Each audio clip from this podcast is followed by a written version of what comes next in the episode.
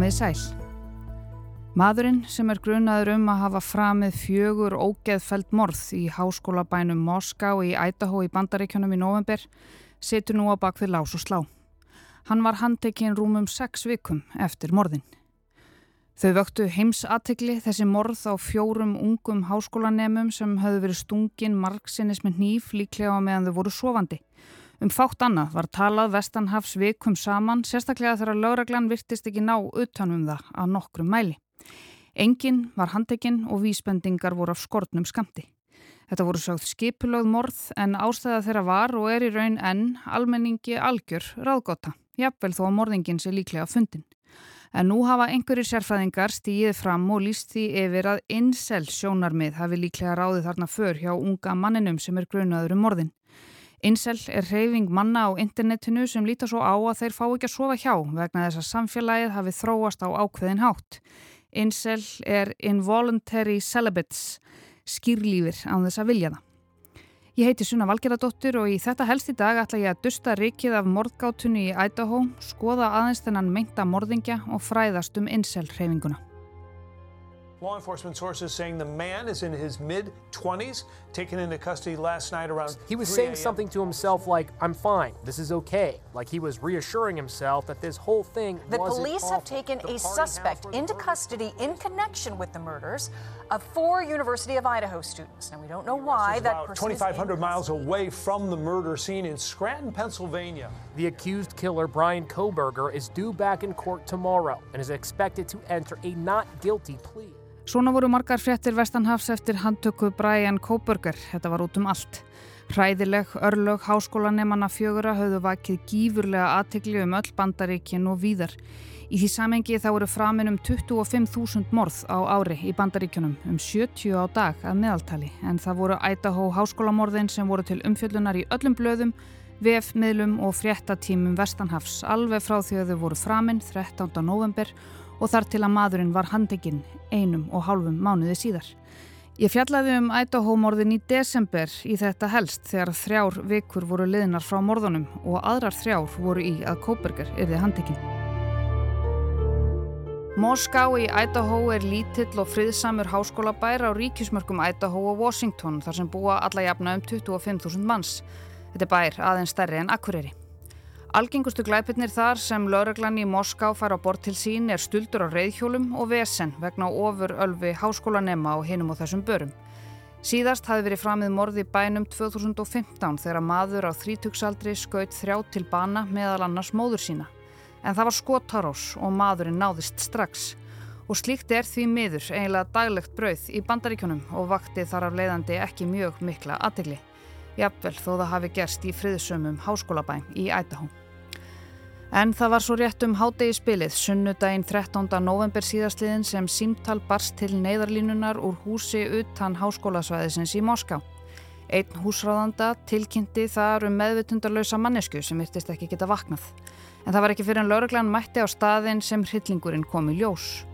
Þau Madison Mogan, 21 ás, Kaylee Goncalves, líka 21 ás, Sana Kernodal, 20 ára og kærasti hennar og jafnaldri, Ethan Chapin, hafðu öll verið stungin til bana og lágu í blóðu sínu á víð og dreif um húsið. Konurnar þrjár þær byggu saman og kærastinn var í heimsókn. En þau voru fimm sem deildu leigunni í þessu þryggja hæða sex svefnherbergja húsi staðsett rétt utan við háskólasvæði sjálft. Og tvö lifðu nefnilega árásina af, þau sváfuðu þetta allt saman af sér í herbergjum sínum á neðstuhæðinni og þau er ekki grunuð um neitt misjamt. Þó að það hafi vissulega vakið upp spurningar hvernig í óskopunum það sé hægt að sofa í gegnum fjórfaldastungu árás líklega með tilherandi öskrum. En þetta er bara ein af mjög mörgum spurningum sem enn hefur ekki tekist að svara nokkrum vikum síðar. Morðin voru líklega framin á milli klukkan þrjú og fjögur um nóttina. Það var hundur heima sem virtist ekki kippa sér mikið upp við það sem var að gerast. Ódæðið er talið af lauruglu bæði einangrað og skipulagt með öðrum orðum. Það er ekki talið að það sé morðingi laus sem gæti bara drepið hvert sem er, hvar sem er, hvena sem er. Líkin fundust á annari og þriðju hæð húsins. Hinn tvö sem livðu af voru á fyrstu hæðinni og eins og áður segir eru þau ekki grunuð um neitt misjamt. Fórnalömpin fjögur voru líklega sofandi þegar það var ráðust á þau en sum voru með varnarsár og ekkert bendir til kynferðisofbildis. Talið er að þau hafi dáið tiltölulega fljótt þar að segja að þau hafi ekki þjáðst lengi sem þýðir líka að þó að það hefði verið hringt fyrr í neyðarlínuna hefði það líklega ekki bjargað lífið þeirra. Morðvopnið er talið vera stór nýfur með förstu bladi en það hefur ekki fundist. Lörglann hefur sagt að morðingin hafi líklega greitt fyrir vopnið og sé einhvern veginn stoltur af því hvað sem það nú þýðir. Ekkert bendir til þess að það hafi verið brotist inn með valdi en það þýðir svo sem ekki mikið en það var þetta eins konar partihús sem margir höfðu aðgang að. Engar vísbendingar eru um tengsl við fíkniefni, skuldir eða undirheima og sömulegis er ekkert sem bendir til deilna vegna ástarmála eða afbríðisemi. Og það er talið útlokað að eitt fórnarlampana hafi myrt hinn og svo framið sjálfsvík. Þetta er sem sé mjög snúið og mjög dramatíst mál og fjölmiðlar elska svoleiðis mál. Moscow, Idaho, a beautiful, quiet college town. Og svo er það glæpavettvangurinn sjálfur, stóra húsið við Kings Road. Glæpavettvangurinn er flókinn og bjóð til mjög erfiða vinnu fyrir tæknideldina. En húsið þetta var eins konar félagsmiðstöð, margir höfðu komið á farið svo DNA lífsíni voru eftir því. Og eins og gefur að skilja voru fjórmenningarnir allir mjög virkir á samfélagsmiðlum. Þetta var ungt, kvítt, fallegt, millistjættar fólk sem deildi lífið sínu með fylgjendum sínum eins og flestir gera. En það hefur líka vakið upp spurningar og vangaveltur um eldirhella og sömuleiðist þá staðreind að konurnar deildu reglulega myndböndum innan úr húsinu sem gerði það verkum að auðvelt er að sjá hvernig það er uppbyggt að innan sem gerir það líka auðveldur að rata þar um án þess að hafa nokkuð tíman komið þar inn fysiskt. Lauruglan hefur gefið það út að grunuleikja á að Karlmaður hafi framið morðin það þurfi töluverðan líkamlegan styrk til þess að stinga fjórar manneskjur til bana og að morðin hafi verið skipulögð sem sé ekki tilviljana kent stundarbrjálaði. Þetta var það sem við vissum 7. desember en svo liðu þrjár vikur. Lörglann í Pennsylvaníu handtók mann, nokkuð ungan mann, 30. desember og það var hinn 28 ára gamli Brian Koberger. Hann var handtekinn á heimili fóreldra sinna í Pennsylvaníu. Hann var ákjærður fyrir fjögur morð og innbrott og fluttur yfir ríkismörkin til Idaho. Hann neytaði sög, saði verjandi hans við fjölmjöla, en hún saði sömu leiðis að Koberger væri mjög rólegur og að það væri auðvelt að tala við hann. Skoðum aðeins þennan mann. Brian Koberger er kvítur, hávaksinn, grannur og dökkarður, hann er ekkert ómyndarlegur og ég tek það fram vegna þess að það getur skipt máli í stóra samhenginu en við förum betur inn á það á eftir. Hann lítur út eins og svona íþróttatýpa og auðvitað hafa fjölmiðlar grafið hressilega ofan í fortíð hans og dreyið meðal annars fram gamla mynd frá því hann var í mentaskóla og hann verðist hafa gjör breyst í útliti á þeim árum. Hann var fyrst frekar þippin úlingur en svo vildi hann verða hermaður og grentist öll ósköp.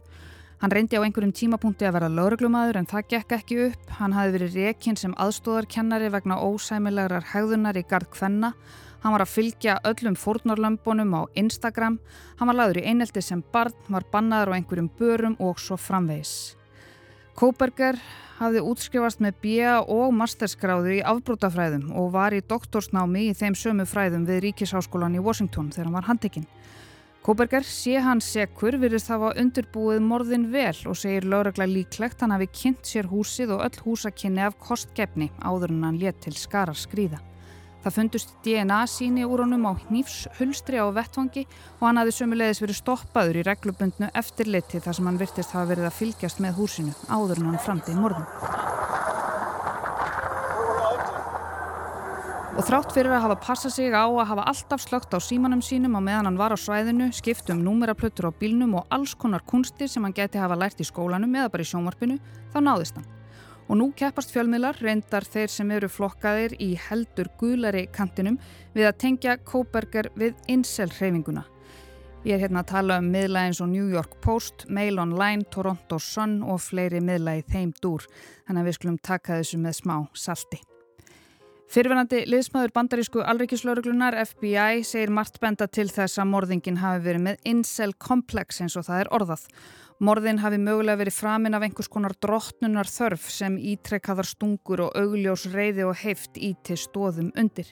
Sömu leiðis hafi manninum verið líst sem félagslega vanhæfum með brotna sjálfsmynd. Og þetta er bara ein frétt af mörgum þar sem þessum vangaveltum skýtur upp kollunum. Þó byrja að hafa í huga að ein mögulega ástæðan gæti verið svo að allir fjölmiðlar þar á meðal séu einfaldlega að reyna að finna útskýringar á þessum hræðilegu morðum. Þar að segja hver möguleg ástæðan gæti verið. Og einsel hreyfingin hefur verið töluvert í umræðinu undan farin misseri og ár þannig að hún gæti verið nærtækasta skýringin. Réttar sálfræðingur sem fjölmiðlar dróðu fram tekur reyndar undir þessi orð FBI mannsins og sagðist meira segja hafa bent á þetta frá byrjun að morðingin væri að öllum líkjundum undir áhrifum insel hreyfingarinnar. Það hafi einfallega verið metið út frá valinu og fórnulömbunum. En hvað er þetta insel? Hvað þýðir það og hvað svo útbreytt er þessi hreyfing? Bjarki Þór Grönfeld, stjórnmálasálfræðingur við Háskólan á Bifröst, var gerstur Þórhildar Ólafstóttur í samfélaginu ára á seitt fyrir í mánuðurum að tala um einmitt þetta, incels, involuntary celibates sem mætti þýðast sem skýrlífir gegn vilja sínum.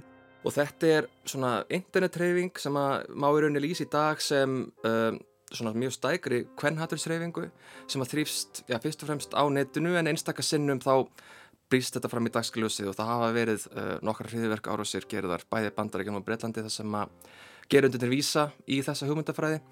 Og um, grunnurinn í hugmyndafræðinni er að um, samfélagið eins og þeir í dag sé bíaserað eða sé sem sagt hafi snúist gegn köllum og feminismin sé unni samsæri gegn köllum og sérstaklega köllum eins og uh, þessum sem lýsa sér sem incels sem að líta svo á að um, í sagt, gegnum tíðina hafi orðið þjóðflagsbreytingar mm. sem gera það verkum að uh, viss hópur kallmana hafi ekki lengur aðgengi að sagt, kynlífi eða sambandi við uh, konu og þannig að þeim líður eins og þessi hlutur því þeir lítar inn á kynlíf sem ákveðin gjaldniðil ákveðin fasta mm -hmm. hann hafi verið tekinn af þeim þannig að þeir eru drifnir áfran af þessari reyði sem að blossar upp í þér þegar að eitthvað sem þú telur og þú er rétt á er tekið af þér Já, já, þannig að samfélagsbreytingar og, mm. og mhm. valdkvenna yfir eigin líkama og eigin lífi að það hafi rauninni bytnað á þessum hópi. Já og þeir sagt, byggja á uh, óbáslega nostalgískri heimsmynd sem þeir líta svo á að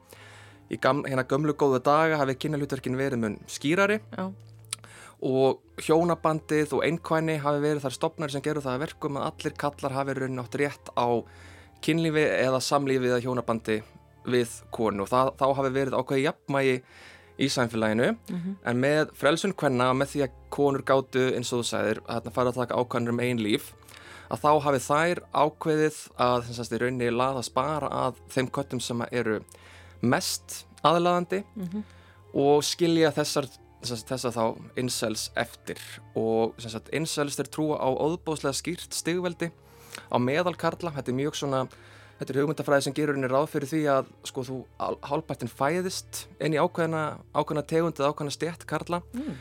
Efst á toppinum eru þeir sem mætti kannski kalla alfas. Það eru svona kallatnir sem eru vöðvaðir, eru stórir, eru með flotta kjálka, flott kinnbein, uh, stæltir og svona öryggir í samskiptum og það séur unni eitthvað sem er þeim bara meðfætt og konur laðist náttúrulega að slíkun típum og þetta eru svona efstu 10% í aðlöðunarskadalanum eða í hérna í samt, semst, meðal karla og svo fer þetta svona uh, niður semst, þessi, að, þessi aðlöðun uh, semst, fer, eru, uh, fer niður og um, þar eru karlar sem eru kannski ekki eins aðlaðandi og ekki eins öryggir en taka einhvað sigur þátt í þessum svona kynferðislega efnahag út af því að þeir láti undan konum, borgi fyrir þær og séu ykkur neinn bara svolítið upp á konur uh, komnar komnir fyrir geðu og svo þegar eftir þess að færa neður í steganum þá er rauninni verður sagt, þar mingar aðlunin ennþá meira. Og þeir líta svo á að þeir séu á botninum og þeir séu rauninni, konur séu ófærar um að finnast þeir kynferðslega aðlæðandi og það er að leiðandi missa þeir af þessu, veist, þeir, miss, þeir líta svo á að þeir hafi mist af svona ákveðnum hlutum í lífinu sem að er eitthvað í menningun eða eitthvað í samfélagin sem segir að við eigum að upplifa þegar við erum úlingar, þegar við erum kynþróska, þegar við erum uh, að byrja fullónisárin uh, í þeirra tilviti þá að missa svinduminn, fyrsti kossin og svo framvegis. Og þetta eru þá yfirleitt ungir menn svona í kringum tvítugt, dansa öru hverju megin við sem að líta svo á, eða finnst þeir vera á þeim stað að þeir séu búin að missa þessu öllu. Já.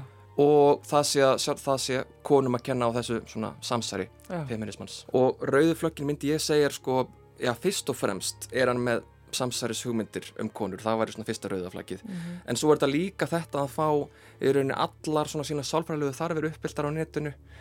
Það er uh, til dæmis þetta að fá veist, útrás fyrir allar sína fjárhusluðu þarfir til það að vera með vinum og svo framvegs á netinu ef það fer alfæri fram á spjallborðum. Ef þessi, það að, þú veist, afreika eitthvað í lífunu, það að klára eitthvað eða þú veist, taka eitthvað próf eða fara í einhverja íþrótt eða eitthvað.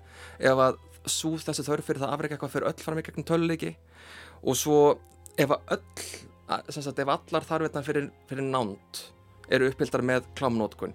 Þetta var Bjarki Þór Grönfeldt, stjórnmála sálfræðingur í samfélaginu þar sem hann útskýrði insel hreyfinguna. Það er sko, ég myndi að segja einsels hafi mörg svona, það er mörg enginni sem minna á uh, sértrúasöfniði. Ég ætla að láta það ógert eins og Bjarki að tengja hann að hinga til Íslands í byli og koma þannig með dæmi, það býður kannski bara betri tíma.